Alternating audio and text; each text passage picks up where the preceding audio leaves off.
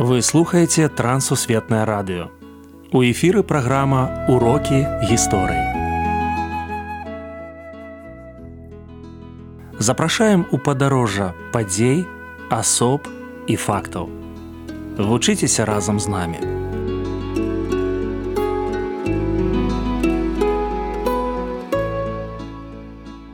Ля мікрафона сяржук брышцель і кандыдат гістарычных навук Андрусь унучак. Тэма нашай сённяшняй размовы справа жыцця. Прывітанне Андрусь. Прывітанне сяржук. Прывітанне шаноўныя слухачы. Радзівілаўская біблія бясспрэчны сімвал Беларусі. Якое значэнне гэта кніга мела для мікалая радзівіла чорнага чалавека з мысленнем кіраўніка горада в обласці і краіны. Берасейская біблія гэта асноўная справа яго жыцця. Без берасейскай бібліі мы не можам нават уявіць, што мікалай развіл чорны увайшоў бы ў гісторыю так як ён увайшоў гэта кніга якая стала сімвалам ягонага жыцця якая паўплывала на яго самога якая перамяніла жыццё яго і жыццё краіны. Друк і распаўсюд берасейскай бібліі называюць паспяховым піар праектам мікалая радзівіла. Што думаеце вы безумоўна сённяшняй мовай кажучы это вельмі паспяховы Таму што ён падхапіў тую ініцыятыву якая здавалася была ну такой знаходзілася ў стане слабой распрацоўкі. Гэта ініцыятыва перакладу бібліі ініцыятыва яе распаўсюду. Ён запрасіў сюды перакладчыкаў і з ягонай дапамогай яны скончылі працу і адразу запусцілі гэта у друк. Такім чынам канешне друк бібліі ён стаўся ну такой знакавай падзеі для жыцця нашай краіны. І ў гэтым сэнсе прысвячэнне каралю і вялікаму князю, ягоныя прадмовы да бібліі. Гэта ўсё паказвала на тое, што гэта была не проста выданне бібліі як чарговае выданне бібліі, а гэта была такое пасланне для, кіраўніка краіны і гэта было пасланне для ўсёй шляхты як мінімум а можа быць і для ўсяго народу вялікае княства літоўска. Біблія стала падарункам для многіх кіраўнікоў і яна трапіла ў бібліятэкі розных краін. Так яна была запатрабаванай.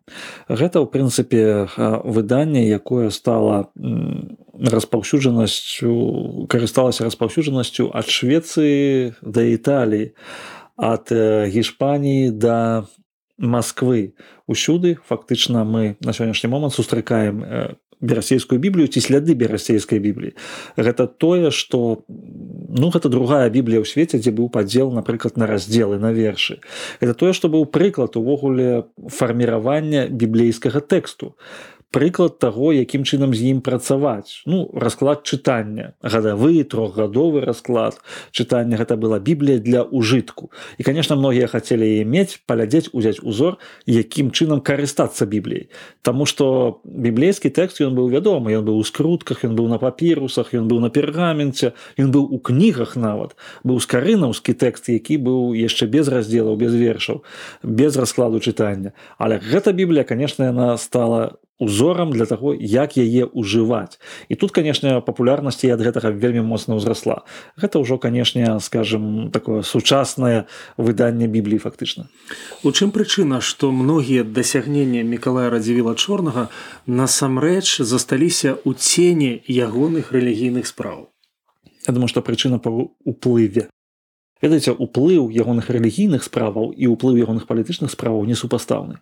Ён быў лідарам руху рэфармацыі. Рэфармацыя змяніла ўсе сферы жыцця краіны але пачалася яна менавіта з рэлігійнай.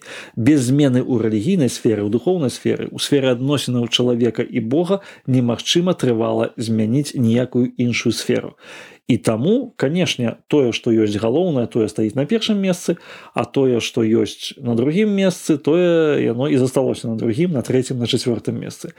Калі б мікалай развіл чорным можем так уявіць ён не быў лідарам рэфармацыі то на сённяшні момант мы пра яго ўвогуле мала што ведалі. Калі б ён не выдаў біблію не адзначыўся гэтым у гісторыі і культуры беларусі то можна сказаць што ён быў быў бы адным з тых канцлераў якіх было десяткі у вялікім княстве літоўскім у тым ліку і радзівілаў і мы бы пра яго ведалі толькі некалькі радкоў з энцыклапедыі Чаму друк берасцейскай бібліі гісторыкі называюць кульмінацыя жыцця яе галоўнага фундатара. Можам сказаць так на гэта пытанне. Вельмі важны момант это тое, што у той час ішла вайна, вельмі цяжкая вайна. Біблія выйшла 4 верасня 1563 году. 15 лютага таго ж году быў захоплены полацк і ўся полачына. Была вялікая пагроза для вільні для сталіцы вялікае княства літоўска і мы бачым сітуацыю у якой апынуўся фактычны кіраўнік дзяржавы мікалай радзівіл чорны сітуацыя такая што стаіць пытанне будзе дзяржава ці не і ў гэты момант ён выдае вялізныя грошы 10 тысяч залатых дукатаў сваіх уласных грошай не на войска не на крэпасці не на артылерыю ён выдае іх на біблію выдатковая каб выдаць вось гэтую кнігу і кульмінацыя ў тым што ён робіць вельмі складаны выбар. Сённяшняе гледзяшча прагматычнага здаецца нелагічны але з ягонага светапогляду вельмі лагічны. Таму што калі Бог не абароніць зямлі і ніхто не абароніць. І ён разлічваў на дапамогу Божую больш чым на матэрыяльную сілу.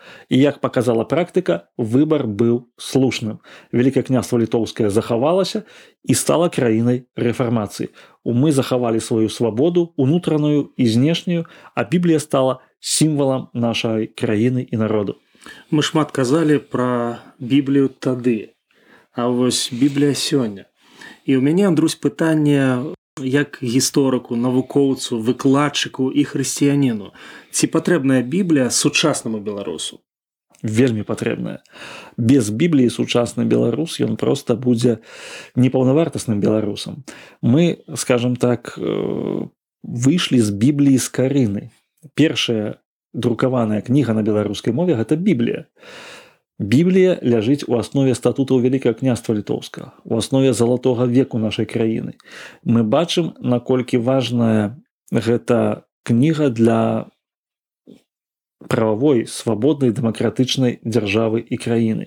І ў сучаснай беларусі можам сказаць што біблія мае вялікую папулярнасць. Адзін з доказаў гэта выстава беларусі біблія якая прайшла ў 2018 годзе калі ў нашу краіну прывезлі рарытэтныя экземпляры бібліі рарытэтныя рукапісы біблейных кнігаў фактычна кожны дзень просто музей кнігі нацыянальнай бібліятэкі не спраўляўся з гэтым.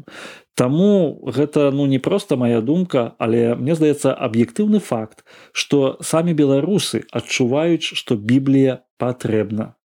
Дзякуй за размову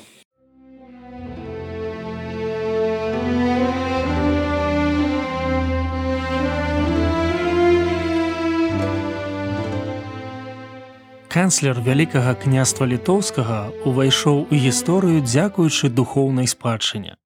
Мне вельмі прыемна нагадаць, што галоўная справа жыцця Миколая радзівіла чорнага звязана з ягонай верай і берасцем.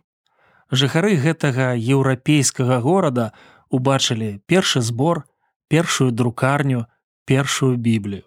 Тое, што сёння лічыцца другарадным, праславіла ягонае імя тое, што звычайна знаходзіцца ў чарзе, мела моцны ўплыў не толькі на нашу, але і іншыя краіны.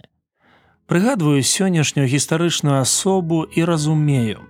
Мая сапраўдная каштоўнасць, не адукацыя, не пасада, не сувязі, не грошы і не палітычны досвед, а сэрца, у якім ёсць месца кнізе кніг.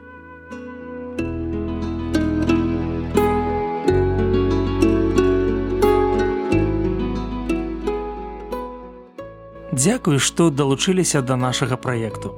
Калі ў вас ёсць пытанні, пішыце калі ласка на адрас. Трансусветнае радыё, урокі гісторыі. Паштовая скрынка 45, індекс 22 40 20, горад Брест 20, Беларусь. Пакідаю для сувязі электронную пошту rmtwr кропка by собачка gmail.com Шукайце нас на сайте twr.fm Да новых сустрэч!